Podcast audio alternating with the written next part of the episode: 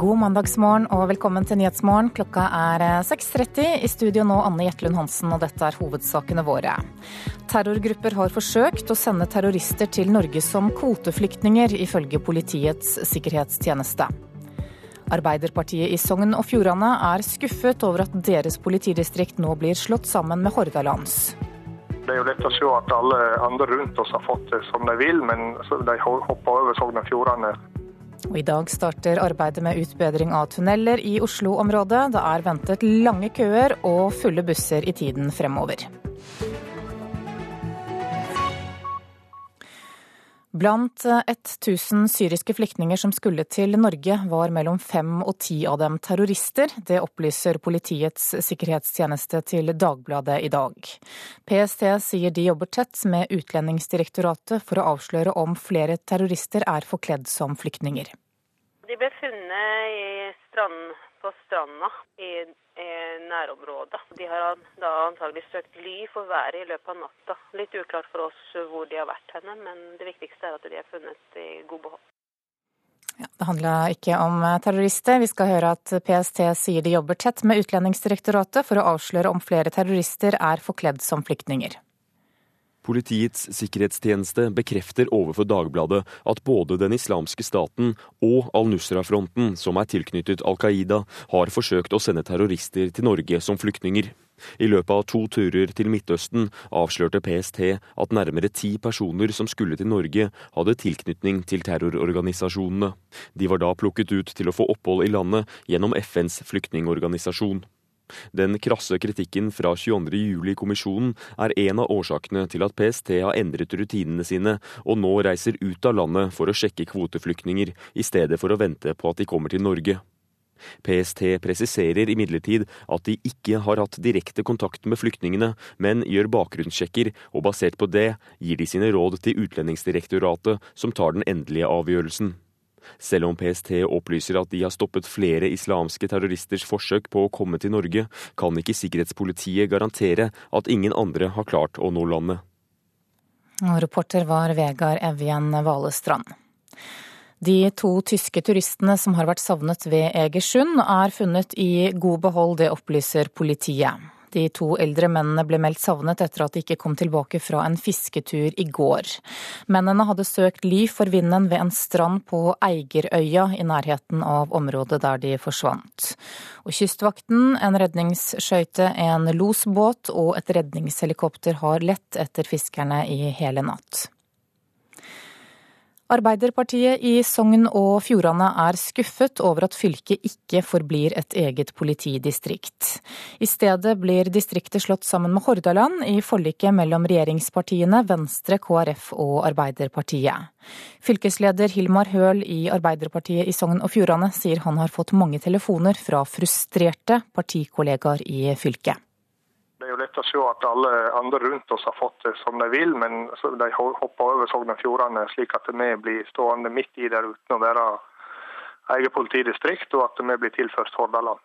Han mener politireformen er en styrke for landet, men en svakhet for fylket han bor i. Særlig frykter han at beredskapen i Sogn og Fjordane vil svekkes dersom sentrale funksjoner blir lagt til Bergen. På Stortinget i går sa Arbeiderpartiets Hadia Tajik, som leder justiskomiteen, at partiet hennes har fått viktige gjennomslag i forhandlingene om reformen, men mellom oss partiene som nå har eh, inngått dette forliket, så var det ikke grunnlag for at Sogn og Fjordane skulle være et eget politidistrikt.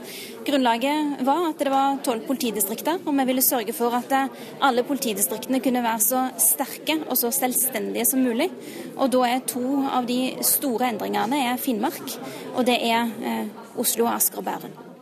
Fylkesleder Hilmar Høl sier flere arbeiderpartipolitikere i Sogn og Fjordane nå er skuffet over partiet sentralt. Ja, det er klart det er lett å skyte på Arbeiderpartiet sentralt. og, jeg, og det er jo sånn at De må jo tåle en del forbannelse fra oss herifra, men samtidig er jo å si at eh, Arbeiderpartiet ikke, jeg sitter jo ikke i regjering og, og har gått uh, til forhandlinger for å få et bredt forlik på en reform som er veldig betydningsfull for nasjonen. Det, det som skuffer oss, er at vi faktisk ikke er en del av forhandlingene, at ikke vår situasjon blir tatt opp, til tross for alt det gode arbeidet vi har gjort for å belyse at vi har behov for å faktisk ha et politidistrikt men de alarmfunksjonene vi har i fylket vårt. Det blir debatt om politireformen i Politisk kvarter litt senere på morgenen. Reporter var Halvard Norum. Staten har de siste fem årene brukt over 1,1 milliard kroner på innleide slepebåter. Disse båtene er i beredskap for å hindre forlis og miljøkatastrofer. Men båtene har hatt svært få slepeoppdrag i denne perioden, viser NRKs undersøkelse. I snitt under to slep per båt i året. Og nå åpner Kystvakten for at de kan overta beredskapen i stedet. Vi har eh, bl.a. to av våre egne fartøy liggende her nå. Vi har KV Barentshav. Senior stabsoffiser i Kystvakta, Steve Olsen, viser oss hvor noen av landets 15 kystvaktskip befinner seg på kartet. I tillegg til å drive med fiskerioppsyn, berger de hvert år også mange skip fra å gå på grunn. Nei, Det kan være fartøy som har fått eh, maskinproblemer eller tekniske problemer av eh, ymse slag. Men Kystvakta er ikke de eneste som sørger for å forhindre forlis og potensielle miljøkatastrofer langs norskekysten. Siden 2010 har staten brukt nær 1,2 milliarder kroner på å leie inn slepebåter plassert ved havner i Nord-Norge, Vestlandet og Sørlandet. Ifølge NRKs gjennomgang av årsrapportene har disse båtene hatt i snitt under to slepeoppdrag i året. Steve Olsen i Kystvakta stiller spørsmål ved ressursbruken. For eh, staten Norge så må det være beste å få utnytta de ressursene vi har, og, eh, og, være der i området der det skjer til enhver tid. Det er Kystverket som er ansvarlig for organiseringa av slepebåtberedskapen i Norge. Beredskapsdirektør Johan Marius Ly mener de innleide slepebåtene er viktige, selv om de store oppdragene har vært få. Vi har hatt de store situasjonene hvor, hvor, eh, hvor slepefartøyene i den statlige beredskapen har vært avhengig av å trå til. Nå har samferdsels- og beredskapsminister Ketil Solvik-Olsen satt i gang et arbeid for å finne enda flere arbeidsoppgaver til Kystverkets slepebåter. Sånn at Når vi først har eh, skip under Kystverkets eh, operasjon, at vi òg får løst flere samfunnsoppdrag enn å bare sitte og vente på et havari. Og Kystverket poengterer at deres slepebåter aldri vil konkurrere med kommersielle aktører om slepeoppdrag. Reporter her, det var Adrian Dahl Johansen. I dag så starter et arbeid som mange bilister i Oslo-området gruer seg til, nemlig utbedring av tunneler. I kveld klokka 21 så stenges to av fire kjørefelt i Smestadtunnelen i Oslo, og det betyr lange køer og mer trafikk på småveiene mens arbeidene pågår. Prosjektleder Hilde Ulvik i Statens vegvesen, god morgen. God morgen. Aller først, hva er det som skal gjøres? Når det gjelder Smestadtunnelen, så er det jo den generelle å komme opp til eh, ny tunnelsikkerhetsforskriftsstandard. I tillegg så er det en eldre tunnel med stort vedlikeholdsbehov. Så i praksis så skal vi ta det meste på Smestad. Eh, tak, vegger og bånd. Ja, for du har prosjektansvaret for utbedring av ti tunneler i, i Oslo. Hvor lang tid kommer dette til å ta? Eh, I Oslo så er vi ferdig i 2019. Selve Smestadtunnelen har ca. ett års byggetid. Og så fortsetter vi da videre på Ring 3. Eh, og fra 2017 så skal vi gjennom E18 og E6-tunnelene. Og det vi kan slå fast eh, er at det blir eh, køer. Kan du gi noen bilder på hva dere venter dere? I Oslo så er det jo ingen det av det vi kaller restkapasitet. Det er kø allerede i dag. Eh, når vi da fjerner to felt eller ett tunnelløp i Smestad, så har du da under halv kapasitet. Det betyr kø. Det betyr så mye kø at vi anbefaler folk å reise kollektivt eller gå eller sykle hvis vi kan. Ja, hvor blir de verste flaskehalsene, da? De verste flaskehalsene i første omgang nå blir jo selvsagt rundt selve, rundt selve tunnelen. Um, og så har vi kjørt uh, datasimuleringer som viser at hvis ingen gjør andre valg, og hvis alle gjør akkurat det samme som de har gjort hele tiden, så står køen da på hele Ring 3. Ja, i timevis, eller? Vi kan få opp mot 3,5 til 4 timers kø hvis ingen gjør andre valg enn det de gjør i dag. Dere oppfordrer altså folk til å kjøre kollektivt eller ta sykkelen, men det er jo ikke alle som har muligheten til det, da? Nei, og det er det vi sier. Hvis du kan. Eh, det, I dette området akkurat rundt Smestadtunnelen så viser, eh, er det mye trafikk på rampene. Det betyr at det er veldig mange som kjører i nærområdet. Og de håper vi innstendig at har muligheten til å velge andre valg. Sånn at næringstransport, eh, nødetater særlig, og kollektivtrafikken kommer fram i området. Men er kapasiteten på kollektivtrafikken økt i forbindelse med dette arbeidet? Den kommer opp, altså De kjører inn ekstrabusser for å holde dagens rutetider. Eh, så har vi fått opplyst fra Ruter at de går over til LED-busser nå rett over sommeren. Og så vurderer de situasjonen på å sette inn mer hvis de har behov for det. Og så hørte vi NSB før helgen oppfordre folk til å skyve på arbeidstiden sin dersom de har mulighet til det. Ja, det håper jo vi også. Eh, og vi tror vel også at eh, rushtiden vil strekke seg litt. At du vil få rushtrafikk tidligere på morgen og senere på morgen enn det man ellers er vant til. Samtidig blir vel altså disse bussene stående i kø? Ja, Vi har jo laget et midlertidig kollektivfelt forbi selve Smestadtunnelen, som bussen vil komme fram på. Eh, når de kommer så langt eh, som dit, eh, som vi håper at skal avlette noe av situasjonen. Ja, hva, hva, med veiene ellers?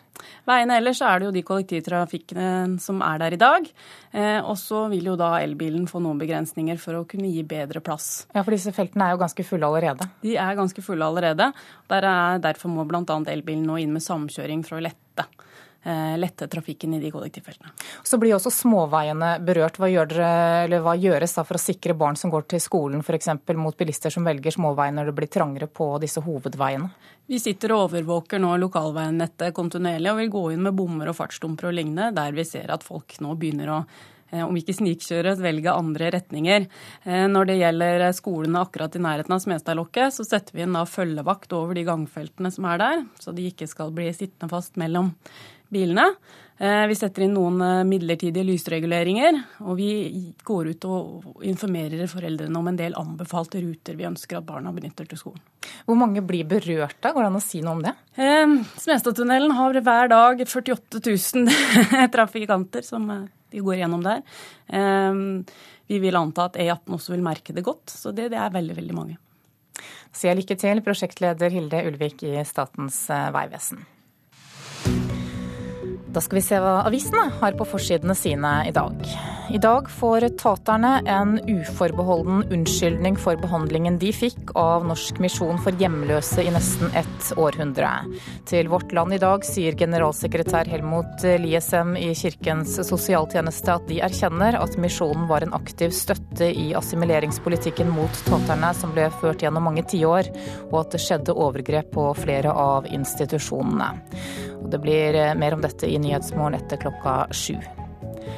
Politiets eksperter på voldtektssaker brukes bare i én av ti tilfeller, det forteller Aftenposten i dag. Politidistriktene mener de klarer seg selv, men bistandsadvokat Trine Rjukan er en av dem som er bekymret. Nasjonen skriver at helseministerens ekspertgruppe mener sykehus bør ha et pasientgrunnlag på mellom 80 000 og 100 000 for å tilby akuttkirurgi. Men ekspertgruppens leder sier det er vanskelig å gjøre rede for tallet. Presidenten i Norges Fotballforbund mener det er nyttesløst for Norge å gå i front for å boikotte VM i Qatar. Det skriver Klassekampen. Yngve Hallén tror mesterskapet i 2022 kommer til å gå som planlagt. Sjeføkonom Steinar Juel er lei av elbilrushet i kollektivfeltet og vil ha køavgift for elbiler. Han mener elbileierne bør betale 240 kroner hver dag i erstatning til busspassasjerer som kommer for sent til jobb, skriver Dagens Næringsliv. I dag samles en rekke land i bånd til nye forhandlinger om en bindende klimaavtale. Samtidig møter klima- og miljøminister Tine Sundtoft EUs kommissær for klima og energi her i Oslo for å bli enige om hvordan de skal nå sine felles mål om kutt i utslippene på 40% innen 2030. Sorgen, det er overskriften i VG i dag. Det handler om kjæledyr som dør. Leserne forteller sine historier, og du får råd om hvordan du kan eh, takle det at kjæledyret dør. Finn frem lommetørkle, er avisens oppfordring.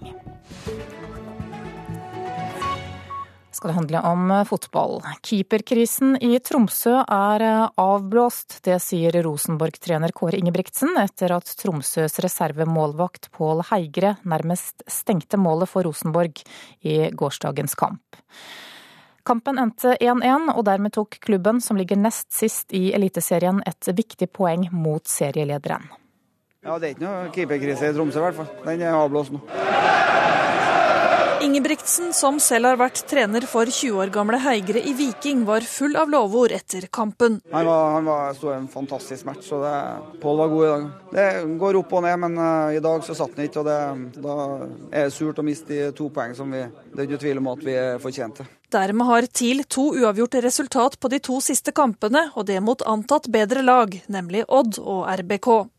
Hovedpersonen selv mener det nå har løsnet for guttene. Ja, Vi er inne i en flytsone. Det er viktig med poeng nå nede i bunnstriden der. Så vi trenger alle poengene vi kan få. og det, det, ser bra ut nå. Heigre er reserve i klubben, og nå blir det trolig flere muligheter for unggutten, som har imponert TIL-trener Steinar Nilsen. Det er til tider fabelaktig, men jeg liker roen han også utviser. Han er involvert i situasjoner der hele tida, men så beviser han også at han har ro også til å konsentrere seg om den neste situasjonen også. Så eh, i dag så fremsto han som en rutinert 30-åring, så jeg må overhodet ikke det. Reporter var Hilde Liengen. Klokka nærmer seg 6.46. Du hører på Nyhetsmorgen, og dette er hovedsakene. Terrorgrupper har forsøkt å sende terrorister til Norge som kvoteflyktninger. Det sier Politiets sikkerhetstjeneste til Dagbladet. De to tyske turistene som har vært savnet ved Egersund, er funnet i god behold. Det opplyser politiet. Og følg oss videre. Det er for mye bygningsmasse på for liten plass. Det mener Riksantikvaren om planene for fremtidens regjeringskvartal. I forrige uke gjennomførte politiet, skatteetaten og flere andre en felles aksjon for å slå ned på kriminalitet i byggebransjen. Det ble avdekket flere tilfeller av dårlig sikring, mangel på arbeidskontrakter og sosial dumping. Resultatene viser at samarbeidet kan gjøre arbeidet mot lovbrudd mye mer effektivt.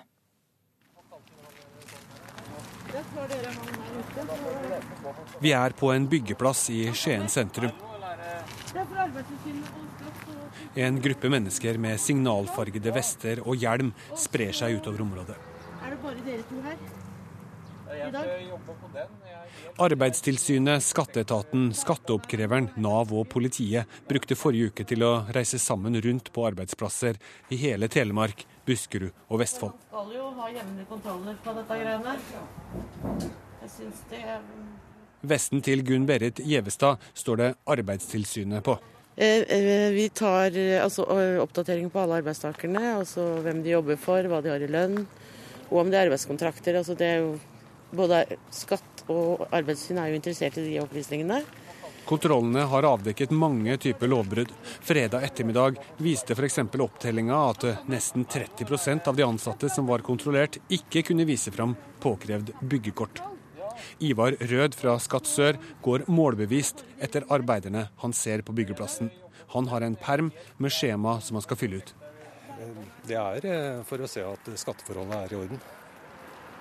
Avdekke svart arbeid, rett og slett? Ja, og se om, eh, se om, de har skattekort og at det er i orden. At det blir innbetalt skattetrekk osv.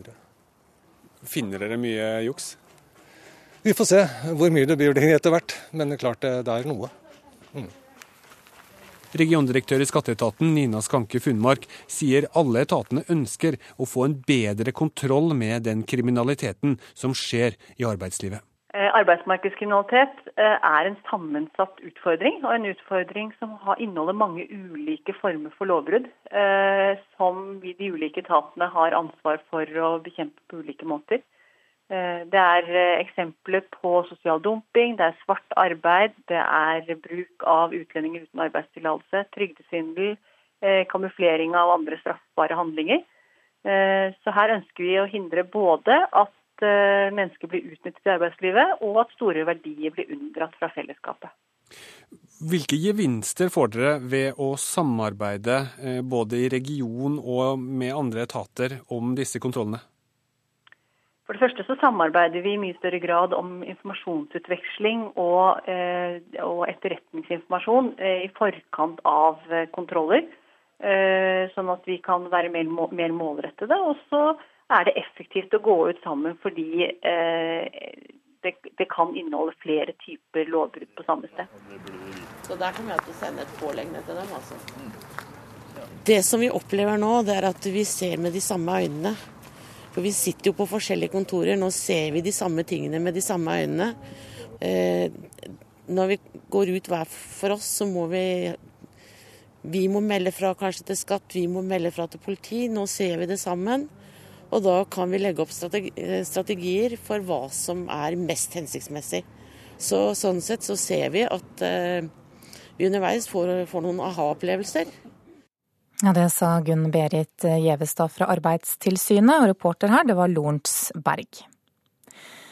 Det kan bli en markant eh, nedgang i antallet norske filmer i årene som kommer. Det tror filmbransjeekspert Terje Gaustad ved Handelshøyskolen BI etter å ha lest filmmeldingen som ble lagt frem på fredag. Gaustad er overrasket over at kulturministeren ikke har en klar plan for hvordan filmbransjen skal takle nedgangen i salget av DVD-er. Det blir eh, mindre ressurser og mindre produksjon av nye filmer, fordi eh, markedsinntektene er på vei ned. Det kommer an på hvor mye penger de legger i kulturbudsjettet. Vi har en skatt å finne. Kaptein Sabeltanns jakt på gull ble sett av over 360 000 norske kinogjengere i fjor. Norsk film er i medvind, men skal den gode utviklinga fortsette, er det kulturminister Toril Vidvei som nå må ut på skattejakt. Hun bør bli budsjettvinner til høsten og øke kulturbudsjettet, tror førsteamanuensis Terje Gaustad ved BI, Center for Creative Industries.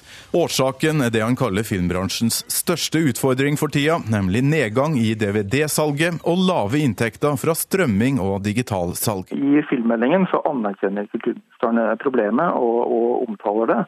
Eh, men det kommer eh, veldig få om noen eh, konkrete grep, og det er jo litt skuffende. Endelig kjenner vi sjøveien til Lama. Rana. Manglende politisk kurs i filmmeldinga kan føre til nedgang i norsk filmproduksjon, frykter Terje Gaustad. Men kursen er satt, ifølge statssekretær i Kulturdepartementet Bjørgulv Vinje Borgundvåg, som mener filmmeldinga inneholder flere grep som skal sikre filmbransjen inntekter i framtida. Jeg mener at eh, filmmeldingen svarer på de overordnede målene og de viktige utfordringene vi står overfor. Det er mindre detaljstyring i denne meldingen, men det er klare føringer på hva vi mener er viktig. Ja, det de snakker om er at det skal bli enklere, mindre byråkrati. Og dette er jeg helt enig i. Han har produsert filmer som 'Burning', 'Max Manus' og 'Veiviseren', bransjeveteran Jon Jacobsen. Han liker flere av grepene som er skissert i filmmeldinga, men tror også at høstens statsbudsjett blir avgjørende for hva kinopublikummet får av norsk film fremover. Men vi har de store filmene og de smale filmene, og eh, det er jeg helt enig i. Det skal vi ha. Men det som vil komme til å avgjøre dette, er selvfølgelig, er selvfølgelig hvor mye penger det blir til film. Også Torbjørn Urfjell i Virkeprodusentforeningen og direktør ved Filminstituttet, Sindre Gullvåg, mener filmmeldinga legger opp til et stort kulturbudsjett til høsten. Nå blir det slik at eh, Vidvei er nødt til å bli budsjettvinner for å få levert på alle de eh, ambisjonene som ligger i meldinga. Dette er jo et rammeverk. Eh, nå får man se hvordan man fyller opp pengebingen. Størrelsen på midlene er selvsagt også veldig avgjørende i forhold til hva man har mulighet for å få til. Men at framtida til norsk film er avhengig av en budsjettseier, vil ikke Kulturdepartementet være med på. Forrige regjering hadde et kvantitativt mål på antall filmer som ble overoppfylt i stor grad i fjor.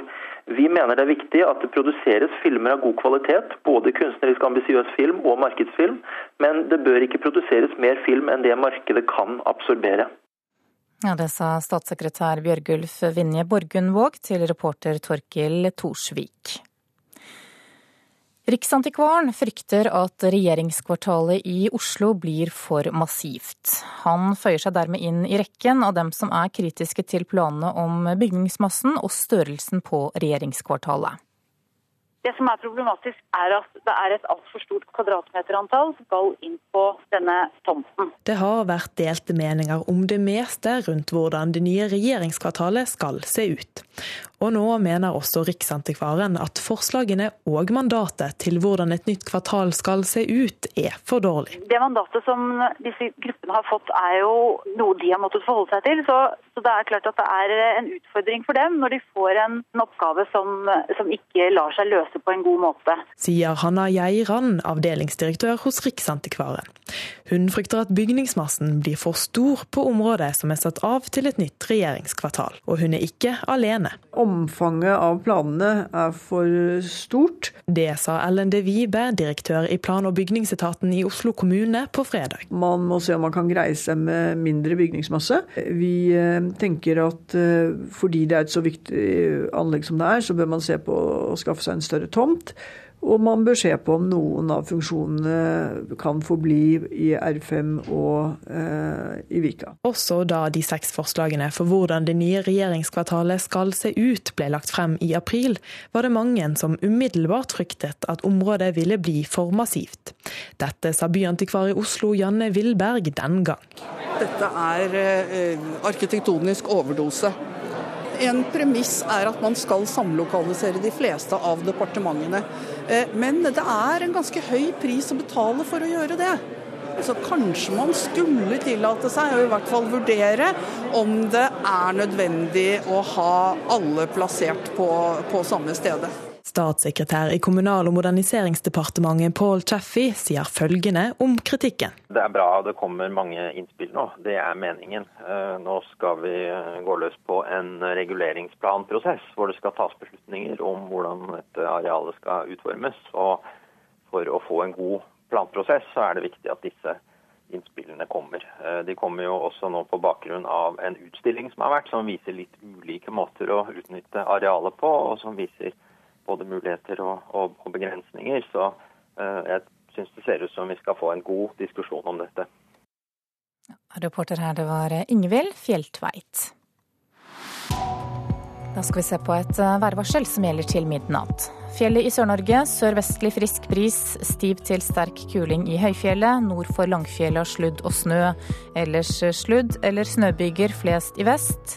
Utpå dagen overgang til byger også lenger nordover.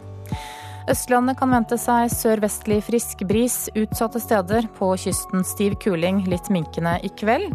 Regn fra i formiddag, lettere vær og perioder med sol først i sør. Mulighet for enkelte ettermiddagsbyger i indre strøk.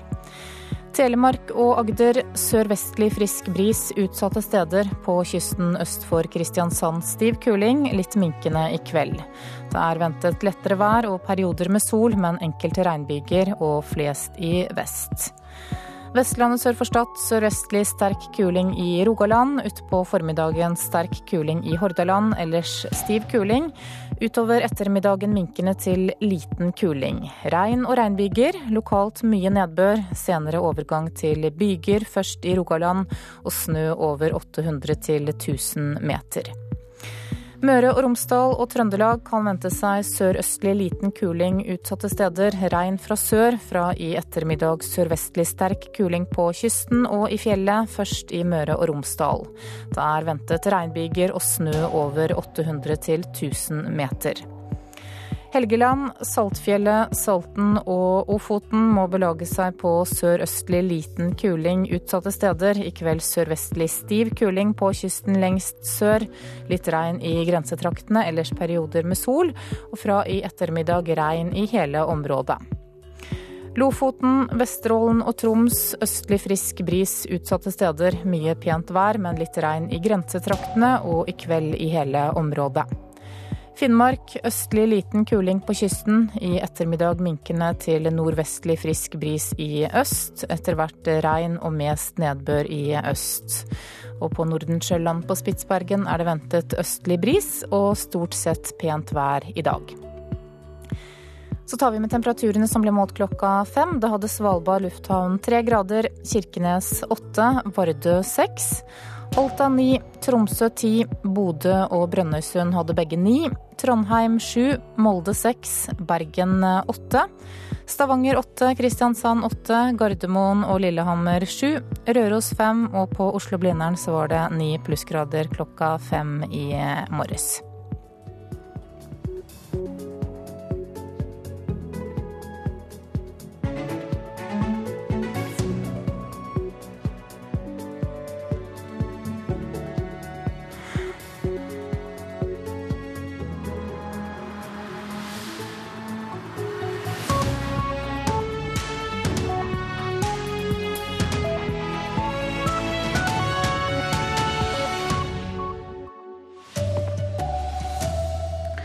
Senatet i USA greide ikke å bli enige om en ny overvåkningslov i natt. Og bilister i Oslo må regne med lange køer. Tunnelarbeidene starter i kveld. Her er NRK Dagsnytt klokka sju. I USA har de folkevalgte i Senatet ikke greid å bli enige om en ny overvåkningslov. Etterretningsorganisasjonen NSA har nå stanset innsamlingen av alle telefondata. En ny lov skulle gi de private teleselskapene adgang til å fortsette innsamlingen av opplysninger, men det blir da også foreløpig ikke noe av. Den nye loven, døpt Freedom Act, er støttet av både president Obama og et stort flertall i Representantenes hus. Den innebærer at teleselskapene, ikke som tidligere etterretningsorganisasjonen NSA, skal lagre data over hvem som ringer hvem, når og hvorfra. NSA må heretter søke tillatelse fra en spesialdomstol for å få adgang til dataene fra sak til sak. Groholm, Washington. Flere terrorgrupper i Syria har forsøkt å sende terrorister til Norge som kvoteflyktninger. Det sier Politiets sikkerhetstjeneste PST til Dagbladet. Nærmere ti personer med tilknytning til terrorgruppen IS og Al Qaida ble plukket ut av FN som kvoteflyktninger, men PST sa nei etter å ha sjekket bakgrunnen deres. PST vil ikke si noe om hvordan terroristene ble avslørt. I kveld starter arbeidet mange Oslo-bilister eh, gruer seg til, nemlig utbedring av tunneler. Klokka 21 i kveld stenges to av fire kjørefelt i Smestadtunnelen i Oslo. Det betyr lange køer og mer trafikk på småveiene mens arbeidene pågår, sier prosjektleder Hilde Ulvik i Statens vegvesen. I Oslo så er det jo ingen det av det vi kaller restkapasitet. Det er kø allerede i dag. Eh, når vi da fjerner to felt eller ett tunnelløp i Smestad, så har du da under halv kapasitet. Det betyr kø. Eh, det betyr så mye kø at vi anbefaler folk å reise kollektivt eller gå eller sykle hvis vi kan. Hvor blir de verste flaskehalsene, da? De verste flaskehalsene i første omgang nå blir jo selvsagt rundt selve, rundt selve tunnelen. Um, og så har vi kjørt uh, datasimuleringer som viser at hvis ingen gjør andre valg, og hvis alle gjør akkurat det samme som de har gjort hele tiden, så står køen da på hele Ring 3. Ja, I timevis, eller? Vi kan få opp mot 3,5 4 timers kø hvis ingen gjør andre valg enn det de gjør i dag. Reporter her Anne Jetlund Hansen. Spesialtrente politifolk som skal etterforske voldtektssaker, brukes mindre enn forventet. Det slår Politidirektoratet fast, skriver Aftenposten. Den såkalte voldtektsgruppen består av egne krimteknikere og etterforskere som skal hjelpe politidistriktene. Men distriktene har de siste årene bedt ekspertgruppen om hjelp i færre enn én av ti saker. NRK Dagsnytt, Tone Nordahl. Klokka er 7.03 eh, nå. Nyhetsmorgen fortsetter med disse sakene.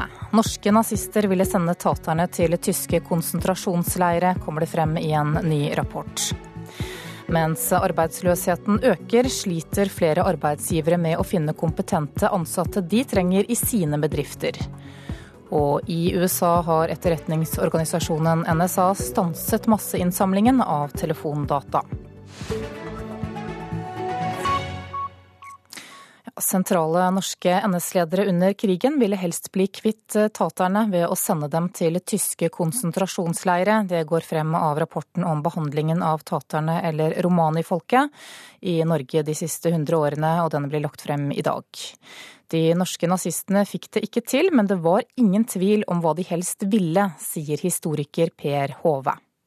Deporteringstanken blir lansert av ledende NS-folk, sjefen for sikkerhetspolitiet, politiministeren, justisministeren, som alle mener at eh, den mest effektive og enkleste løsningen ville være å sende de til østområdene eller til tyske konsentrasjonsleirer i Polen. Historiker Per Hove er med i Tater Romanifolkutvalget, som i dag kommer med rapporten sin.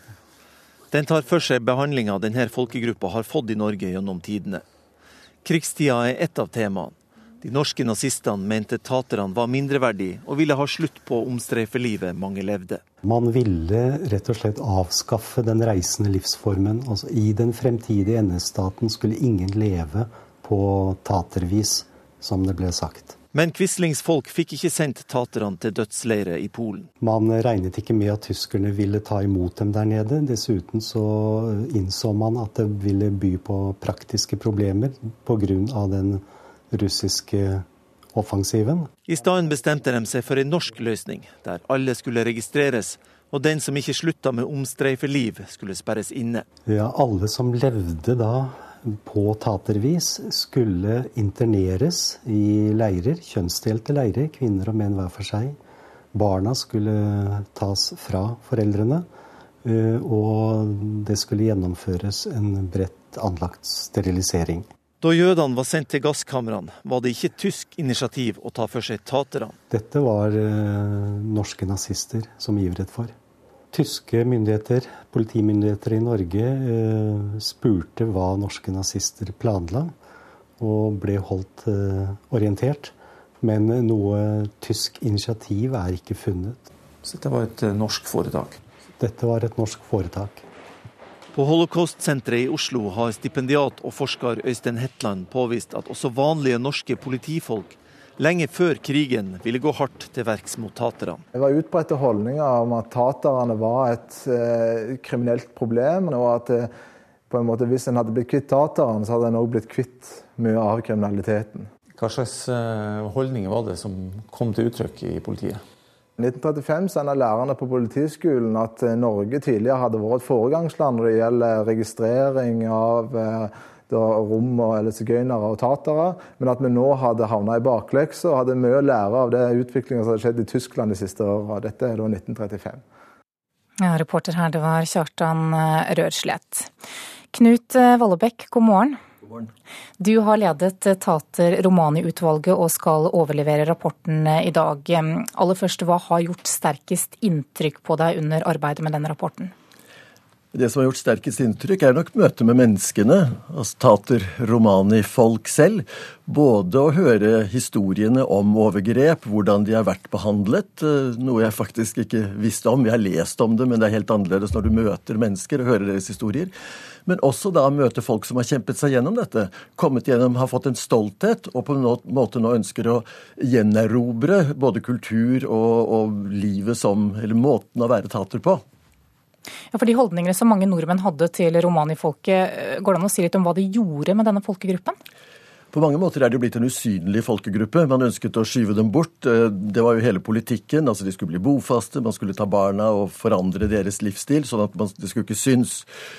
Og så har du vel også da en følelse at de var, ikke, de var ikke produktive. De var ikke med å bygge samfunnet på den måten som myndighetene ønsket. Og det er klart at det gjør noe med folk når du skyves ut av samfunnet, du marginaliseres.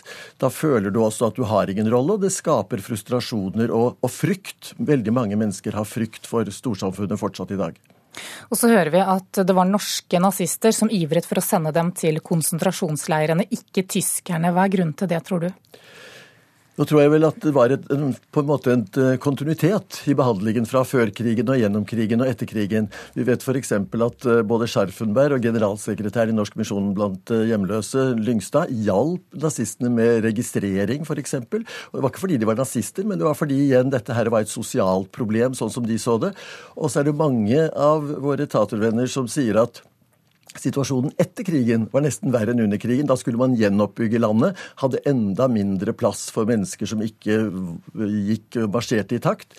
Og Det er et interessant eksempel at uh, hesteforbudsloven, som man prøvde å få innført allerede i 35, men da ble avvist fordi man mente det var en diskriminerende lov, dette at tater ikke skulle få lov til å ha hest, kjøre med hest og vogn, det ble innført i 1951, altså faktisk seks år etter krigen. Og hva skjedde etter det, da?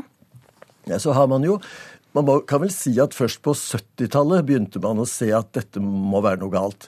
Eh, NRK var med, bl.a. med Vibeke Løkkebergs reportasje fra, fra, Svanviken. Og så kom spørsmål opp i Stortinget om hva gjør vi egentlig med tater romani-folket. Det var interpellasjon fra Toril Skar. Og dermed så ble det en oppvåkning. Men først tidlig på 90-tallet ser man at det ble en driv i dette arbeidet for å ta et oppgjør med fortiden. Hvordan er holdningene til tatere eller romanifolk i dag, da? Et av problemene er at det er lite kunnskap om dem. Vi, selv om de ble en av Norges fem nasjonale minoriteter i 1998, så vet ikke folk hvem det er. Man kan bare se på dagens aviser, så blandes de sammen med rom og sigøynere. Vi greier ikke å skille, skille det. Og så ser vi dessverre at også diskriminering, utestenging, fortsetter i dag. Vi hører fortsatt historier om mobbing i skolen.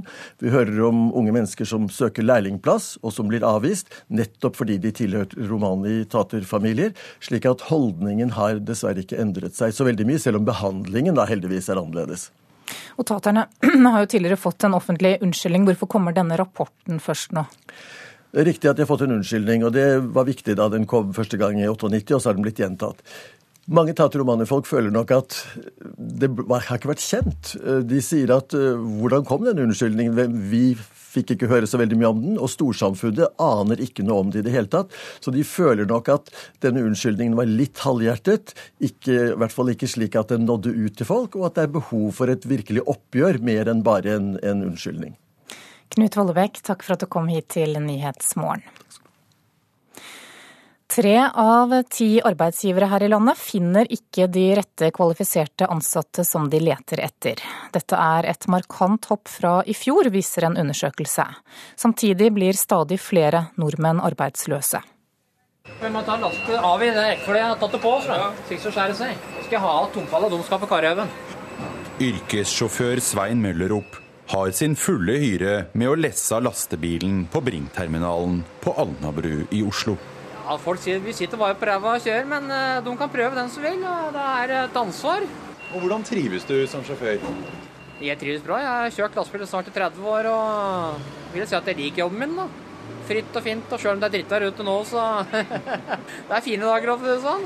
Men Brings transportleder Leif Nordby sliter med å finne flere dedikerte sjåfører som Møllerup. Det er et, eh, et skrikende behov, og vi sliter med å finne dem. Det er veldig synd. Eh, veldig synd for bransjen. Noen må frakte kua fra gården til slakteri, og karbonaden må fra slakteri til butikken.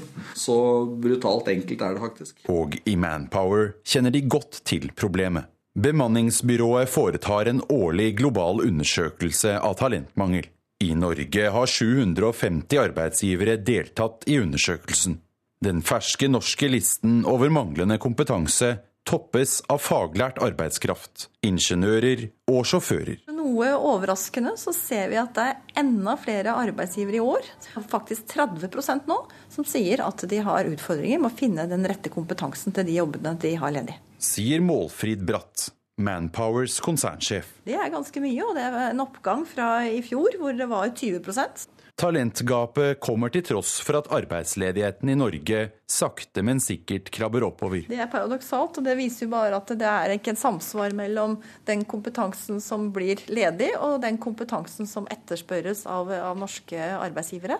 Det er jo også en kjensgjerning at eh, vi blir mer og mer spesialisert i alle jobbene vi gjør, og i Norge så lever vi jo av høykompetanse også. Nye Nav-tall viser også at 5400 personer fra ingeniør- og IKT-fag nå er registrert som helt ledige. Like fullt viser altså Manpowers tall at arbeidsgiverne sliter med å finne kvalifiserte ingeniører. Det betyr jo at innenfor ingeniørfaget igjen så er det mange ulike disipliner. Så det er tydelig at de som ingeniørene som nå har mistet jobben sin i oljesektoren, ikke nødvendigvis har den rette bakgrunnen til å gå inn i andre ledige posisjoner der det etterspørsels ingeniører. Så her er det igjen spisskompetansen innenfor ingeniørfaget som gjør at vi får det så høyt på listen vår. Og også sjåfører har mange krav til kompetanse og opplæring. Det kan også Bring-sjåføren skrive under på. Er det et yrke du vil anbefale flere å eh, komme seg over i nå? Anbefale, anbefale. Se, det er et fint og fritt yrke i hvert fall. Jeg er min egen herre, som sagt, og ingen som maser over meg. Så det syns jeg er deilig å sette en bil, så roer jeg meg. Ja, reporter her, det var Sindre Heierdal. Klokka har passert 14 eh, minutter over sju. Du hører på Nyhetsmorgen, og dette er hovedsakene. Norske nazister ville sende taterne til tyske konsentrasjonsleire. Det kommer frem i en ny rapport. Bilister i Oslo må regne med lange køer, for tunnelarbeidene starter i kveld. Følg oss videre. Statsministerens parti gjorde det dårligere enn ventet i lokalvalget i Italia. Vi skal straks til Roma for å få detaljene. Men før det skal vi til USA, for der har etterretningsorganisasjonen NSA stanset masseinnsamlingen av telefondata. De folkevalgte i Senatet klarte ikke å bli enige om en ny lov som åpner for at innsamlingen fortsetter i de private teleselskapenes regi. Det var den republikanske presidentkandidaten Rand Paul som til sjuende og sist benyttet seg av et prosedyreknep for å hindre at loven som skulle erstatte Bush-regjeringens Patriot Act, ble vedtatt i natt. Right to be left alone. Dette er en debatt om retten til å få være alene, den mest verdsatte av alle rettigheter, sa Senatets mest konsekvente liberalist Rand Paul. Hans linje er å avskaffe hele programmet for masseinnsamling av teledata. Den nye loven, døpt Freedom Act, er støttet av både president Obama og et stort flertall i Representantenes hus. Den innebærer at teleselskapene, ikke som tidligere etterretningsorganisasjonen NSA, skal lagre data over hvem som ringer hvem, når og hvorfra. NSA må heretter søke tillatelse fra en spesialdomstol for å få adgang til dataene fra sak til sak, men det var ikke nok for Rand Paul. We are not collecting the information of spies. We are not collecting the information of terrorists. We are collecting all American citizens' records all of the time. Vi samler ikke data om spioner og terrorister. Vi samler data om alle amerikanske borgere hele tiden, sa senator Paul. Han er mer opptatt av å drive pengeinnsamling for sin egen presidentkampanje enn av nasjonens sikkerhet, uttalte senator John McCain, også han republikaner, men tilhenger av den nye loven. Den republikanske flertallslederen i Senatet, Mitch McConnell, sto opprinnelig for et tredje syn, nemlig at den gamle loven, Patriot Act, burde beholdes. Men han ga seg i går kveld og valgte å fokusere på å få flertall for i det hele tatt å starte diskusjonen om den nye loven. Det fikk han. Etterretningsorganisasjonen NSA startet nedstengingen av datainnsamlingen åtte timer før fristen for å fornye fullmakten utløp i natt. President Obama uttalte før helgen at himmelen forby at vi kunne ha forhindret et terrorangrep, men ikke gjør det som følge av Senatets handlingslammelse. Men hans egen granskingskommisjon konkluderte for en stund siden at det ikke finnes belegg for å hevde at etterretningens datainnsamling har forhindret noe terrorangrep. Og det er ventet at Senatet kommer til å vedta den nye loven seinere denne uka. Groholm, Washington. Nå skal vi til Italia, der det i går var valg i sju regioner og flere enn 1000 kommuner. Statsministerens parti gjorde det uventet dårlig mens høyresiden gikk frem. Og Simen Ekern, journalist og forfatter, du er med oss fra Roma, god morgen. God morgen, god morgen. Du, enkelte mener at dette var en, den store testen for Italias statsminister etter at han kom til makten i fjor. Hvorfor har det gått dårligere enn ventet? Statsministeren selv var jo eh, veldig eh, ivrig på å si at dette ikke var en test, nettopp fordi det er regionalvalg, der forskjellige eh, hensyn spiller inn osv. Men, men det har ikke gått så bra for Renzi som han trodde.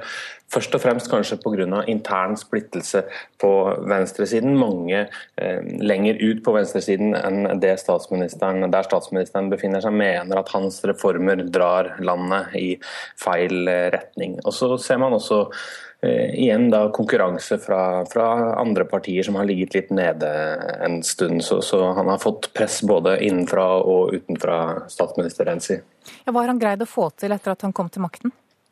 Han har greid å få til eh, en hel del på et vis. Han har, han har vært, eh, vist seg som en uh, veldig dyktig maktpolitiker. Han har fått gjennom flere av de store reformene han sa han skulle gjøre. Bl.a. en arbeidsmarkedsreform, en valglov osv. Men en del av disse reformene, f.eks. Uh, en skolereform, er veldig upopulær eh, i deler av hans eget parti. Så man har sett tendenser til en eh, splittelse eh, på venstresiden. Mange har fryktet at de som mener at Renzi er for mye av en sentrumskandidat plutselig skal, skal, forlate partiet. Så han kjemper på, på, to fronter, og det gjør at han er utsatt, selv om han da foreløpig har klart å holde alle i ørene og, og sånn sett i, i, parlamentet fortsatt har en, en, en, sterk en, sterk posisjon. og Det gjør også at han kan hevde at, eh, at dette valget ikke får noen utslag på han. Eh, partiet hans vant jo fem av de syv regionene som stilte til valg. så Sånn sett er det mulig eh, å si at han kan fortsette som, som planlagt. Hva har vært de store sakene i valgkampen?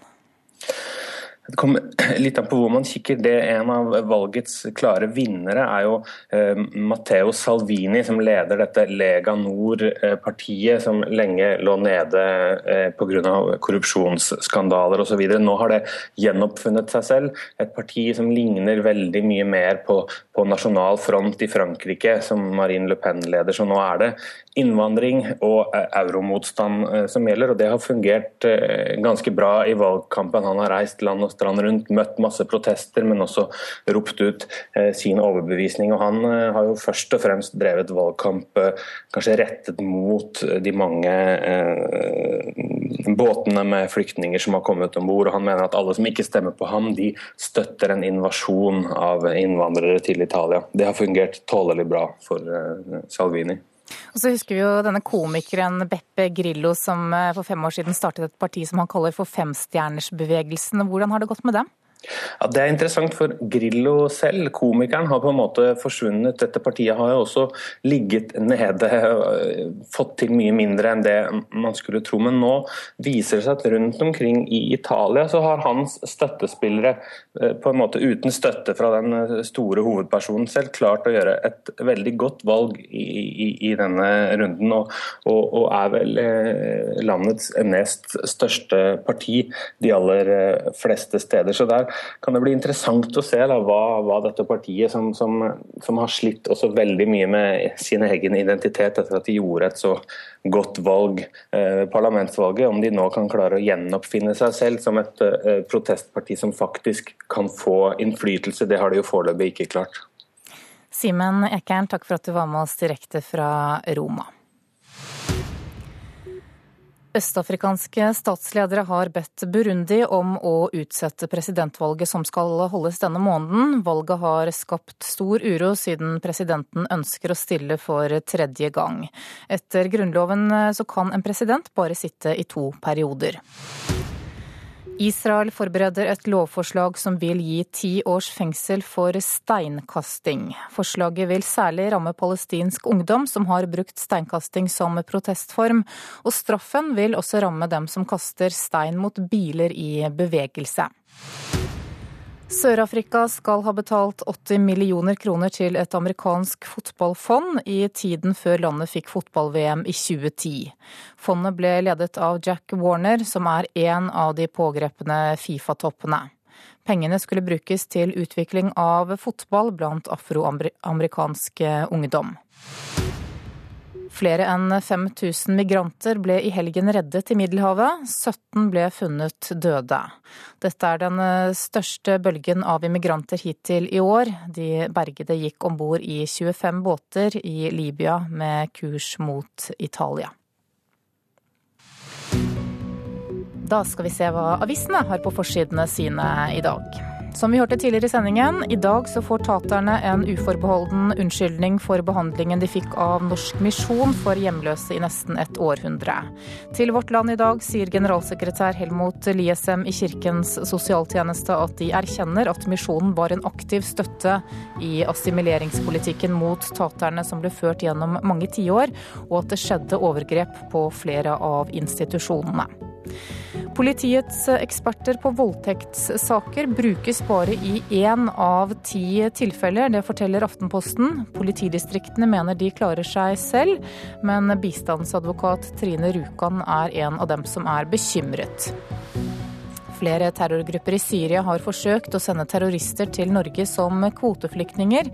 Det sier Politiets sikkerhetstjeneste til Dagbladet. PST vil ikke si noe om hvordan terroristene ble avslørt, eller hva slags metoder som ble brukt. Nasjonen skriver at helseministerens ekspertgruppe mener sykehus bør ha et pasientgrunnlag på mellom 80 000 og 100 000 for å tilby akuttkirurgi. Men ekspertgruppens leder sier at det er vanskelig å gjøre rede for dette tallet. Presidenten i Norges Fotballforbund mener det er nyttesløst for Norge å gå i front for å boikotte VM i Qatar, skriver Klassekampen. Yngve Hallén tror mesterskapet i 2022 kommer til å gå som planlagt.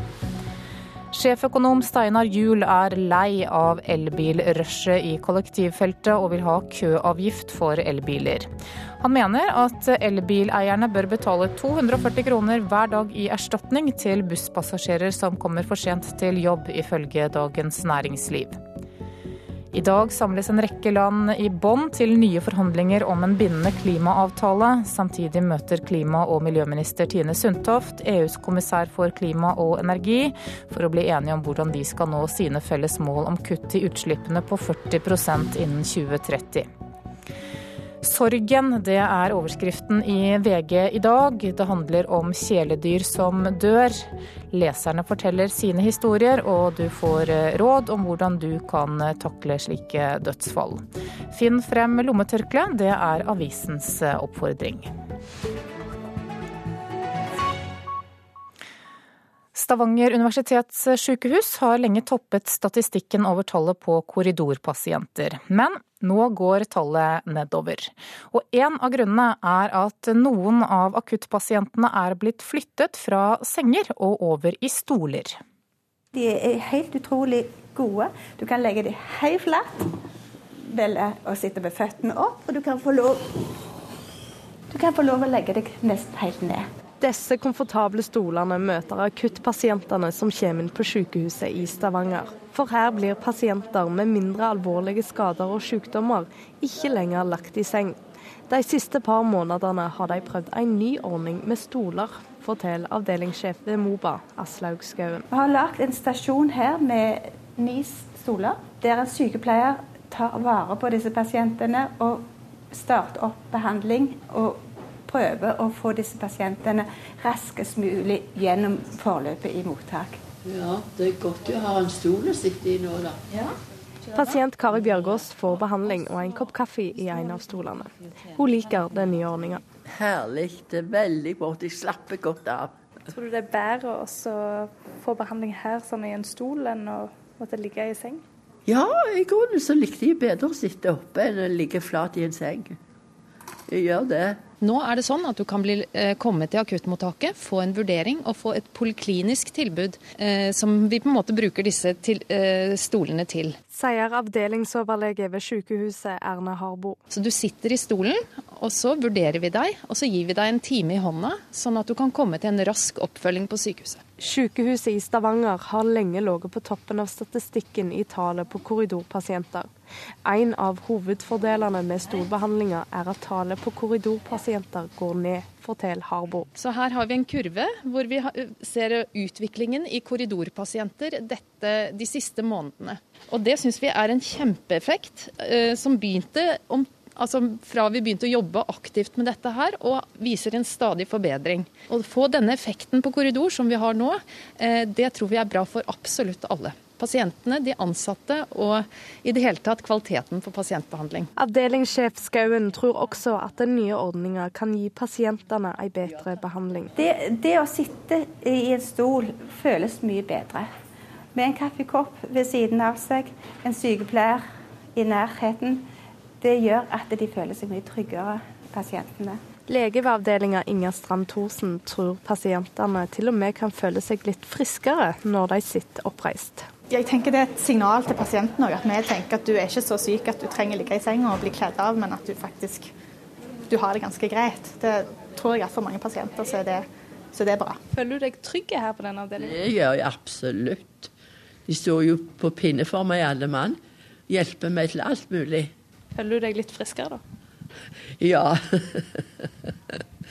Men du vet, når du har fått en god alder som meg, så, så skjer det noe alltid. Ja, reporter her, det var Kjersti Hetland. Du lytter til Nyhetsmorgen nå. Klokka har passert 7.29. Du skal straks få Dagsnytt. I Politisk kvarter så blir det bl.a. debatt om den nye politireformen. Produsent for Nyhetsmorgen i dag er Marit Selmer Nedrelid, og her i studio Anne Jetlund Hansen.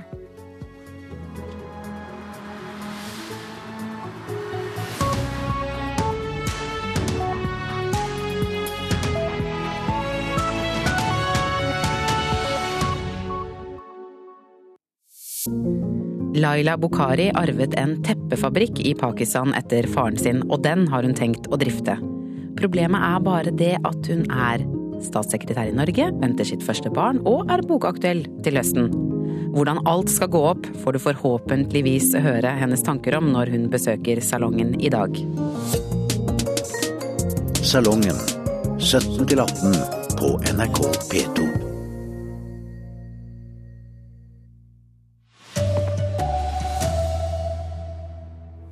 Norske nazister ville sende taterne til tyske konsentrasjonsleire.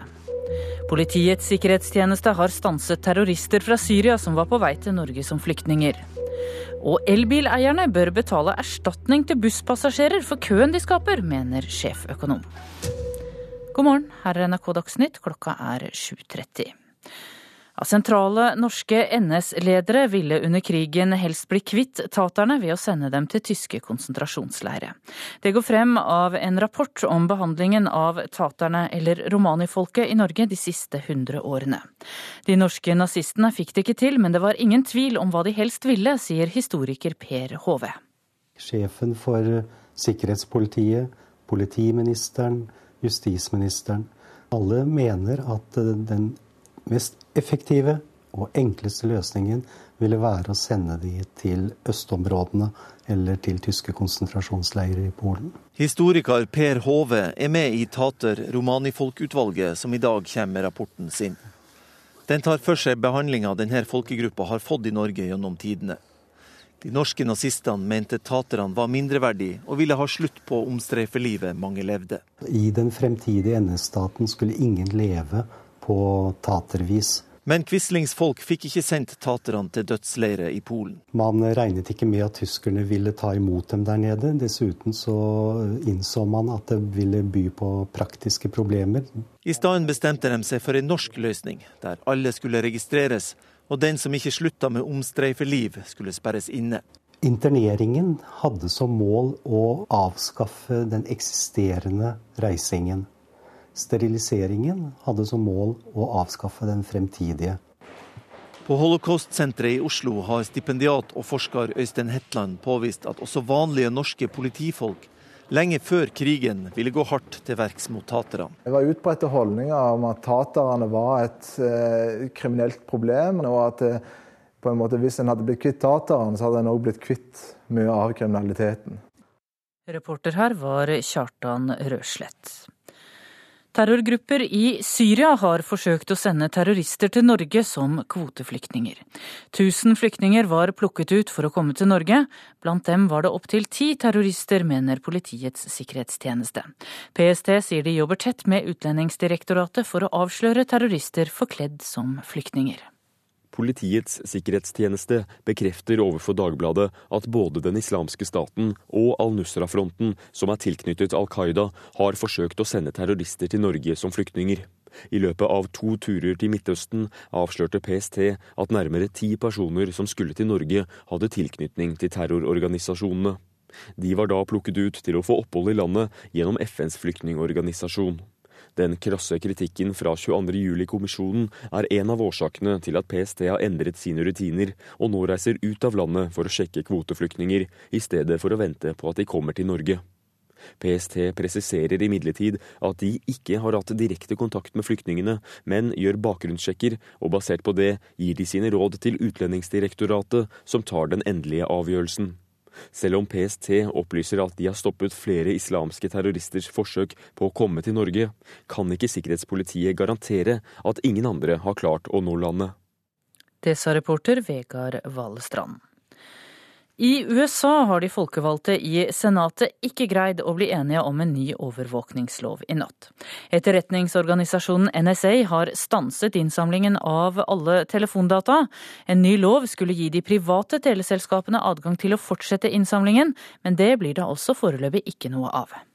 Det var den republikanske presidentkandidaten Rand Paul som til sjuende og sist benyttet seg av et prosedyreknep for å hindre at loven som skulle erstatte Bush-regjeringens Patriot Act, ble vedtatt i natt. This is a debate over your right to be left alone. Dette er en debatt om retten til å få være alene, den mest verdsatte av alle rettigheter, sa Senatets mest konsekvente liberalist Rand Paul. Hans linje er å avskaffe hele programmet for masseinnsamling av teledata. Den nye loven, døpt Freedom Act, er støttet av både president Obama og et stort flertall i Representantenes hus. Den innebærer at teleselskapene, ikke som tidligere etterretningsorganisasjonen NSA, skal lagre data over hvem som ringer hvem, når og hvorfra. NSA må heretter søke tillatelse fra en spesialdomstol for å få adgang til dataene fra sak til sak, men det var ikke nok for Rand Paul. We are not collecting the information of spies. We are not collecting the information of terrorists. We are collecting all American citizens' records all of the time. Vi samler ikke data om spioner og terrorister. Vi samler data om alle amerikanske borgere hele tiden, sa senator Paul. Det sa vår korrespondent Gro Holm. Arbeiderpartiet i Sogn og Fjordane er skuffet over at fylket ikke forblir et eget politidistrikt. I stedet blir Sogn og Fjordane slått sammen med Hordaland i forliket mellom regjeringspartiene Venstre, KrF og Arbeiderpartiet. Fylkesleder i Sogn og Fjordane Arbeiderparti, Hilmar Høl, sier han har fått mange telefoner fra frustrerte partikolleger i fylket. Det er jo lett å se at alle andre rundt oss har fått det som de vil, men de hopper over Sogn og Fjordane slik at vi blir stående midt i der uten å være eget politidistrikt, og at vi blir tilført Hordaland. Han mener politireformen er en styrke for landet, men en svakhet for fylket han bor i. Særlig frykter han at beredskapen i Sogn og Fjordane vil svekkes dersom sentrale funksjoner blir lagt til Bergen. På Stortinget i går sa Arbeiderpartiets Hadia Tajik, som leder justiskomiteen, at partiet hennes har fått viktige gjennomslag i forhandlingene om reformen, men mellom oss partiene som nå har eh, inngått dette forliket, så var det ikke grunnlag for at Sogn og Fjordane skulle være et eget politidistrikt. Grunnlaget var at det var tolv politidistrikter, og vi ville sørge for at eh, alle politidistriktene kunne være så sterke og så selvstendige som mulig. Og da er to av de store endringene er Finnmark, og det er eh, Oslo, Asker og Bærum. Fylkesleder Hilmar Høl sier flere arbeiderpartipolitikere i Sogn og Fjordane nå er skuffet over partiet sentralt. Det som skuffer oss, er at vi faktisk ikke er en del av forhandlingene, at ikke vår situasjon blir tatt opp, til tross for alt det gode arbeidet vi har gjort for å belyse at vi har behov for å faktisk eh, ha et politidistrikt med de alarmfunksjonene vi har i fylket vårt. Ja, det blir debatt om politireformen i Politisk kvarter på P2 om noen få minutter. Reporter her var Halvard Norum. Tre av ti arbeidsgivere i Norge sliter med å finne kvalifisert arbeidskraft. Det er eh, langt flere enn i fjor, viser en undersøkelse om talentmangel. Samtidig blir flere og flere nordmenn arbeidsledige.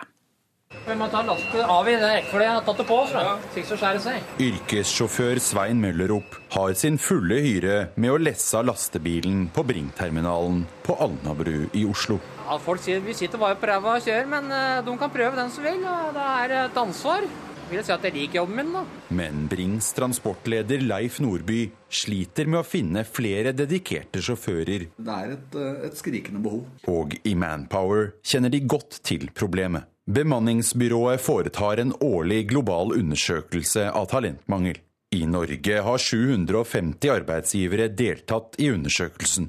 Den ferske norske listen over manglende kompetanse toppes av faglært arbeidskraft, ingeniører og sjåfører. Noe overraskende så ser vi at det er enda flere arbeidsgivere i år, faktisk 30% nå, som sier at de har utfordringer med å finne den rette kompetansen til de jobbene de har ledig. Sier Målfrid Bratt, Manpowers konsernsjef. Det er ganske mye, og det er en oppgang fra i fjor, hvor det var 20% Talentgapet kommer til tross for at arbeidsledigheten i Norge sakte, men sikkert krabber oppover. Det er paradoksalt, og det viser jo bare at det er ikke en samsvar mellom den kompetansen som blir ledig, og den kompetansen som etterspørres av, av norske arbeidsgivere. Vi blir mer og mer spesialisert i alle jobbene vi gjør. Reporter i dette innslaget var Sindre Heierdal. Elbileiere bør betale busspassasjerene erstatning for køen de lager i kollektivfeltet, mener sjeføkonom Steinar Juel. I Dagens Næringsliv i dag presenterer han et regnestykke over hvor mye elbilistene skylder busspassasjerene i form av tapt arbeidsinntekt. Hver elbil eh, bør betale ca. 240 kroner for å kjøre i kollektivfeltene. Fordi eh, de forårsaker køer i kollektivfeltene som forsinker bussene. Og det koster penger for, for busspassasjerene, for tid er penger. Og Hvis man regner en vanlig timelønn, så, så kommer man fram til at, at, prisen for å få lov til å kjøre da i kollektivfeltet for en elbil bør være ca. 240 kroner.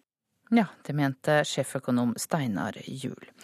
Ansvarlig for Dagsnytt denne morgenen er Gro Arneberg. Det tekniske ansvaret har Guri Finnsven. I studio Tone Nordahl. Thank Klokka er 7.40 nå, og Nyhetsmorgen fortsetter. I forrige uke fikk anklagene om korrupsjon i det internasjonale fotballforbundet Fifa stor oppmerksomhet over hele verden. Både statsledere og mannen i gata hadde meninger om eh, saken. Og da vår USA-korrespondent Tove Bjørgaas tok turen til en småguttekamp i Washington, så var Fifa-skandalens samtale også blant fotballmødrene på sidelinja.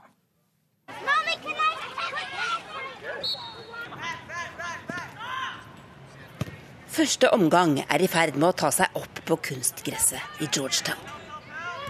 22-, 13- og 14-åringer i rødt og burgunder løper etter ballen i den hete maikvelden. På en glissen tribune følger mødrene deres med med et halvt øye. De har noe annet å snakke om i dag. Yeah, yeah, it was in Trump Tower. Did you hear it's like a six six thousand dollar month apartment just for his cats? Fifa-toppen som leide leilighet til katten sin, f.eks.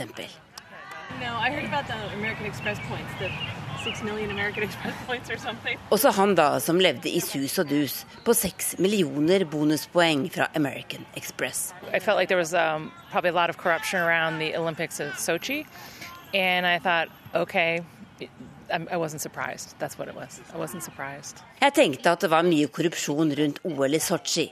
Så disse fotballavsløringene overrasker meg egentlig ikke, sier fotballmamma og barneskolelærer Jean Gonzola. Fotballinteressen hennes har økt i takt med den til hennes 13 år gamle sønn. Um, I think with kids playing, it's pretty intense. Um, I work at an elementary school, um, and I would say that it's pretty big there in terms of watching it. The, the most serious charges in the indictment now are the racketeering charges, and those are the charges that these defendants took the soccer enterprise and turned it into a criminal enterprise. Justisminister Loretta Lynch sjokkerte Europa og resten av verden på onsdag, selv om få var overrasket over at Fifa er korrupt. Nå jobber USA for å få de som ble arrestert i Zürich, utlevert så snart som mulig. The next step in that process is for the defendants to come to the US to face those charges. The maximum sentence for that is a 20-year jail sentence. De alvorligste forbrytelsene Fifa-toppene er siktet for, har en strafferamme på 20 års fengsel her. Og Lunch og kollegene hennes har lovet at de har mer på lager. Og at resten av Fifa-ledelsen ikke sitter trygt. So disappointed that Seth Blatter got re-election. Um, I think the, it's the long overdue that they're uncovering some of the corruption. Um, unfortunately, with Blatter still in charge, it's not clear where it goes from here. Jeg er virkelig skuffet over at Blatter ble gjenvalgt, sier Sean Green. Fotballpappaen har med seg to sønner til gressmatta i Washington DC. Familien følger begivenhetene i Sveits tett. Now, why is it that the U.S. had to do this versus somebody else? I don't know. Switzerland clearly played a very active role. Oh! oh! Sorry. yeah. And a great goal. It hit the crossbar and then dropped in. Hva som vil skje videre nå som Sepp Blatter blir sittende, er også amerikanerne uenige om. Det kan bli avgjørende hva Fifas store sponsorer som Visa, Coca-Cola og Adidas gjør. You could put the World Cup on the moon, and the amount of eyeballs watching the World Cup would not change. Til radioprogrammet Marketplace sier sportsmarkedsfører Rob Prassmark at han tror disse store selskapene vil forsøke å presse Fifa til å rydde i eget hus. the sponsors will either walk away or find a way to sue them, or they'll just let their contracts expire. Ellers vil de saksøke eller la sponsoravtalene sine utløpe, mener han. På matta i Georgetown har Sean Green ikke noen tro på at Uefa vil gjøre alvor av sine trusler om å boikotte fotball-VM.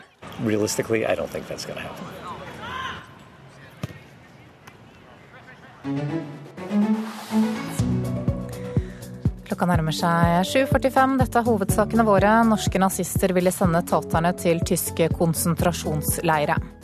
Politiets sikkerhetstjeneste har stanset terrorister fra Syria som var på vei til Norge som flyktninger. Og I dag starter arbeidet med utbedring av tunneler i Oslo-området. Det er ventet lange køer.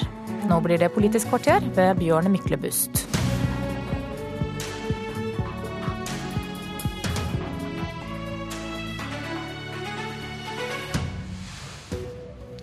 Uansett hvor du bor i Norge, nå får du et bedre politi, sier et bredt flertall.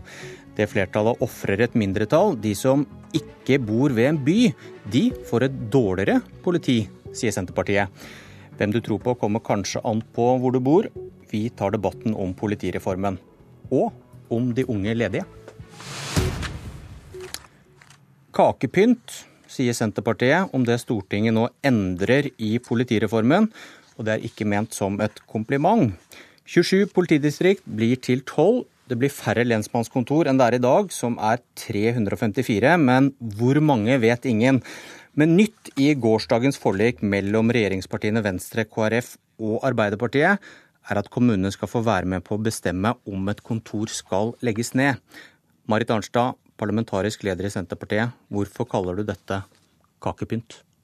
Fordi at Det er jo ikke den store eh, delen av reformen. Den store delen av reformen er jo det faktum at du reduserer eh, antall politidistrikt, med 15 fra 27 til 12.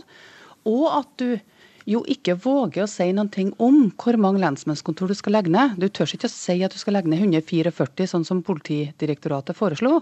Men du sier at det skal bli færre nedlagt enn 144, og så skal kommunene få en klagerett. Men det er fortsatt så er det sånn at det er Politidirektoratet som skal avgjøre og utforme denne reformen, og også da i utgangspunktet bestemme hvor mange lensmannskontor som skal være igjen. Og Senterpartiets spådom er at da vil du sitte igjen, eh, da vil, da vil du antagelig trekke ned antallet lensmannskontor med mellom, en plass mellom 100 og 150 lensmannskontor, og det er svært mange lensmannskontor som skal vekk. Men hvordan kan du kreve et svar på hvor mange lensmannskontor som skal legges ned, hvis det skal bestemmes lokalt? Men det blir jo ikke bestemt lokalt. Det er jo fortsatt Politidirektoratet som skal utforme det her, og som skal komme med anbefalinger. Det kommunene blir gitt, det er jo en klagerett. Kommunene nå har opplevd i to år at politimestrene har prøvd å tømme lensmannskontorene både for oppgaver og for folk, og på egen hånd prøvd å uh, foregripe den sentraliseringa som du nå legger opp til. Uh, og, det kommer, og det kommer til å fortsette det løpet, og det er Politidirektoratet som skal stå i spissen for det fortsatt. Men det skal altså få en klagerett som kommune. Den klageretten tror jeg dessverre at det ofte ikke vil være stort mulighet til innhold i. Anders eh, Werp fra Høyre, en av hovedarkitektene bak dette forliket. Hvor, hvor vanskelig var det å finne balansen mellom å ha politi nært folk i hele landet, samtidig som man får større fagmiljøer og bedre etterforskning? Ja, Det er ingen lett eh, balanse i det hele tatt. fordi vi ser jo at På den ene siden går kriminaliteten ned i Norge, heldigvis. Men den kriminaliteten som vokser parallelt, er den alvorlige kriminaliteten som kanskje ikke utgjør det store volumet på statistikken, men som er mer ressurskrevende for politiet. Så vi må ha på den ene siden sterkere fagmiljøer enn det vi har i dag, samtidig som vi skal ha et tydeligere fotavtrykk i kommunene i lensmannsdistriktene med et nærpoliti som kan drive kriminalitetsforebygging og viktig ordenstjeneste og beredskapsarbeid. Det er ivaretatt eh, i denne reformen. Jeg er veldig glad for at nå vil 90% av stortingsrepresentantene stå bak et forlik som sikrer stabilitet for politiets eh, virksomhet framover. Og jeg vil ha bare lyst til å, å ta opp noe av det Arnstad eh, kritiserer oss for. Jeg hører at Senterpartiet går i det samme sporet som Gjørv-kommisjonen har kritisert eh, norske myndigheter for, å drive politisk detaljstyring av eh, norsk politi. Hvis Senterpartiet, som jeg hører her tydelig, eh, vet bedre om hvordan norsk politi skal organisere seg enn det politifaget tilsier, da blir jeg bekymret. Fordi eh, vi har i dag 354 lensmannskontorer. 96 av de er stengt på kveldstid, i helger og mange i feriene. Det gir ikke trygghet. Det gir ikke nærhet. Det er et kontor som stor del av døgnet er stengt. Det vi legger til rette for nå med denne reformen, er at vi, vi får mer synlig politi. Denne regjeringen har lagt inn 700 flere ø, politistillinger enn da Marit Arnstad satt i regjering selv. Vi har styrket politibudsjettene, og vi får nå en nærpolitireform. De trengte ikke velge Arnstad, de valgte både politiet nært folk og bedre etterforskning? Ja, Nå er dette den tredje politireformen vi har på 20 år. Og hver gang så har det endt med at du har sittet igjen med et, en sterk sentralisering av politiet. Det var jo også en av de tingene som ble sterkt kritisert ved den forrige politireformen, når den ble evaluert. Og nå tror jeg du sitter igjen en gang til der det vil være på en måte resultatet. Eh, jeg mener at regjeringa misbruker ordet nærpoliti. De fyller det ikke med innhold i det hele tatt. Dette reformen er ikke noen nærpolitireform. Dette reformen, Det mest håndfaste reformen er fortsatt sentraliseringa. Det er godt mulig at en nå ønsker seg da døgnberedskap i alle lensmannskontor, på alle lensmannskontor. Da syns jeg Altså, hva det vil kreve utover i landet, det vil kreve sterk grad av økt bemanning. Og hvis, hvis det ikke er mulig, så syns jeg det at en skulle være litt mer ærlig på det en faktisk legger opp til, som da i mange distrikt vil være et rent utrykningspoliti. Og den, den, garantien for responstid, altså 45 minutter til nærmeste tjenestested, vil jo ikke omfatte 45 000 i det nye Trøndelag politidistrikt. Og Det betyr at de 45 000 de vil, fortsatt, de vil være nødt til å vente eh, mye lengre tid enn det garantiene som myndighetene gjør. Stemmer I tillegg så vil de ha mista lensmannskontoret sitt allerede. Det vi gjør nå, er jo noe helt nytt og, og veldig viktig. Men svar, svar på den påstanden om responstid for disse 45 000. Ja, for det, er jo den, det er et av de sentrale punktene i hele reformen. At vi nå stiller krav til at politiet skal ha en responstid i hele landet.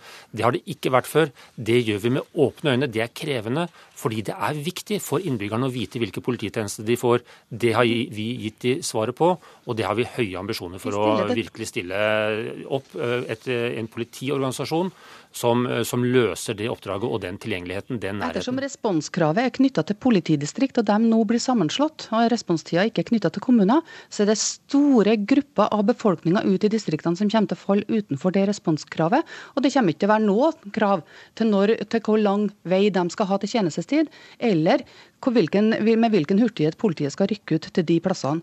Så Det betyr at kommuner oppe i min region, i Namdalsregionen, de vil, eh, fort, vil være helt utelatt av et sånt responskrav. Det er et krav for folk i byene, først og fremst, ikke for folk utover i landet.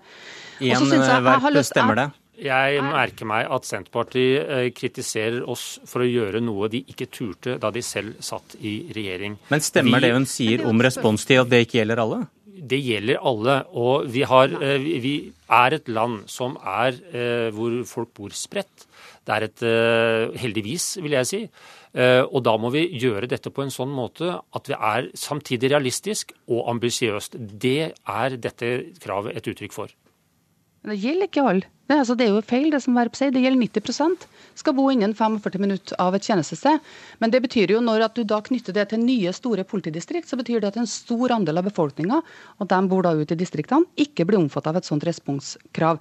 Eller så må jeg få lov å si det at jeg mener heller ikke at, at politikere skal sitte inn og detaljstyre, men jeg mener også at i dette tilfellet så fraskriver politikerne seg muligheten til det som bestandig har vært en viktig politisk oppgave, nemlig å bestemme hvilken type politi skal skal dette landet ha? Eh, hvor nært folk skal de være? Hvilken type kriminalitet skal de kunne bekjempe? Det fraskriver vi oss, fordi vi sier at Politidirektoratet sjøl skal bestemme både lensmannsstrukturen, kriteriene for lensmannskontorene, de skal bestemme eh, hvor politidistriktene skal lokalisere seg, og de skal også bestemme utforminga og antallet av 110-sentraler. Okay. Så vi overlater egentlig mye av beredskapstenkninga til Politidirektoratet, i stedet for å ta en skikkelig politisk debatt om det. Takk, Marit Arnstad. Anders Werp, noen forlik er brede, andre blir nok gjenstand for evig kamp.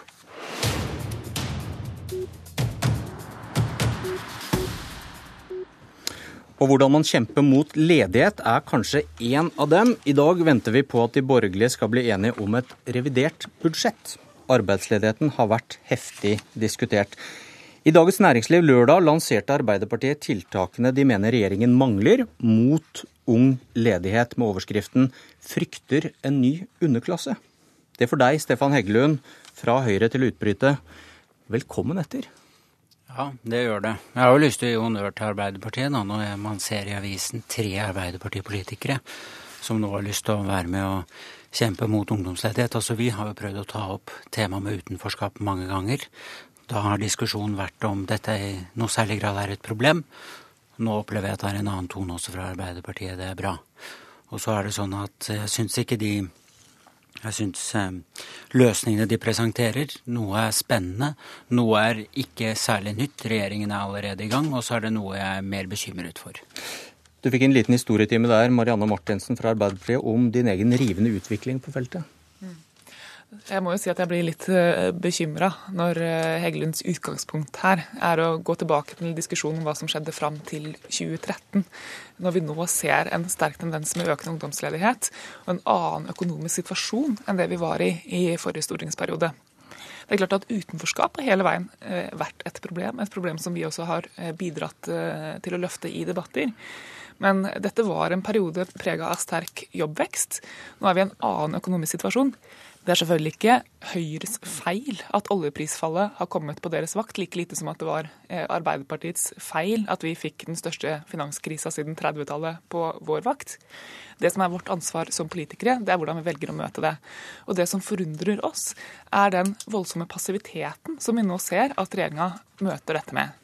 Vi prøvde å utfordre finansministeren i spørretimen forrige uke på hva regjeringa nå gjør for å møte tendensen til økt ungdomsledighet, som er noe av det farligste et samfunn kan utsettes for. Og Da hadde hun egentlig tre eh, svar. For det første så påsto hun at Arbeiderpartiet svartmaler. For det andre så sa hun at dette er veldig usikre tall, så her må vi vente litt eh, og se. Og for det tredje så sa hun at veldig mange av de som blir ledige nå, det er høykompetente oljeingeniører som gudskjelov, for å sitere finansministeren, finner seg ny jobb raskt. Og det er riktig at en del av de som mister jobben nå, er høykompetente oljeingeniører. Men i ungdomsgruppa, hvor vi ser at ledigheten stiger sterkest, så er det veldig langt fra sannheten. Da ser vi at veldig mange av de som henvender seg til Nav, det er unge folk som knapt nok har formell kompetanse. Og da må vi begynne å tenke nytt. Bare for å ta veldig kort et av disse tiltakene dere lanserte nå. Eh, i dag får man ikke dagpenger hvis man er i utdanning eller under opplæring. Hvorfor vil dere endre dette? Det har jo vært et prinsipp veldig lenge at man ikke skal kunne ta videregående opplæring mens man går på dagpenger. Og Det har vært et prinsipp fordi at man ønsker å unngå at man stimulerer til at folk ikke skal fullføre. Men nå ser vi at vi har en veldig stor ungdomsgruppe som har falt utafor. Mange av de ser det ut til permanent. Og vi sender de på kurs for å ta det ene truckførerbeviset etter det andre, når det de mangler er helt grunnleggende kompetanse. Og Da mener vi at vi må ha en mer fleksibel praktisering av det regelverket. Heggelund. Ja, jeg er bekymret for akkurat det når det gjelder fullføring eh, på videregående i den forbindelse. Fordi at det vi ønsker, er jo at for det første at folk skal fullføre. Eh, det andre er at de skal gjøre det på det man litt byråkratisk kaller normert tid. Fordi at da sjansen for å komme raskt ut i jobb er så utrolig mye større. Og det man eh, er bekymret for da, er at man faktisk lager et insentiv for å ikke fullføre videregående på normert tid. Men så må jeg få lov til å ta tak i noen av de andre tingene som Marianne Martinsen sier. Altså, Denne regjeringen har senket terskelen inn til arbeidslivet til Arbeiderpartiets store fortvilelse. Det gjør vi fordi vi mener det er viktig Midlertidige ansettelser. Ja, senke terskelen inn til arbeidslivet fordi vi mener det er viktig at man kan få lettere en fot inn i arbeidslivet istedenfor å stå utenfor. Vi rydder opp i tiltakssystemet istedenfor å skifle alle inn i favorittiltak til Arbeiderpartiet, som er et tiltak som høres tilforlatelig ut, arbeidspraksis, men som man nå ser kan eh, ha ingen eller negativ effekt for uh, f.eks. elever som faller ut av eh, videregående skole. Så vil vi ha økt bruk av lønnstilskudd, som er et tiltak som har bedre effekt. I tillegg så har vi sagt at vi skal levere en melding på utenforskap som bl.a. skal ta til seg dette, hvor man bl.a. vurderer livslang rett til videregående opplæring. For man har vært for dårlig på å øke kompetansen til unge navere opp gjennom årene. Så dette gjør regjeringen veldig mye på. Jeg hører ikke konturene av et bredt forlik her, Martinsen. Nei, Vi har et veldig ulikt utgangspunkt for denne debatten. Eh, Høyresidas svar, og særlig Høyres svar, er jo i stor grad et mer usikkert arbeidsliv. Eh, det som har vært, eh, vært, det store tiltaket så langt, er mer midlertidighet. Og der har vi sett fra OECD, som har gått gjennom erfaringene til alle land som har prøvd seg på det tiltaket, at resultatet er ikke flere jobber og lavere terskel, men at en høyere andel av de jobbene man har, blir midlertidige. Det går utover ungdom. Det hjelper ikke ungdom. Så håper jeg at Høyre kan være med på en diskusjon om dette med dagpenger og gjennomføring av videregående opplæring. Eh, jeg ser insentivproblemene. Men det er klart at når en gruppe blir stående permanent utafor, så er det ikke snakk om å gi folk Tid. en automatisk overgang fra tiden, videregående uten dagpenger til tiden går så fort. Hva, hva, sier Heggelund, hva, sier du, Heggelund, hvis KrF og Venstre har fått gjennomslag for dagpenger under utdanning i forhandlingene? Jeg er villig til å diskutere alle tiltak konstruktivt. Og igjen, eh, nå ble det jo litt partidebatt her også, men jeg vil gi Arbeiderpartiet honnør for disse nye taktene i utenforskapspolitikken. Et stikk fikk avslutte Politisk kvarter i dag. Jeg heter Bjørn Myklebust.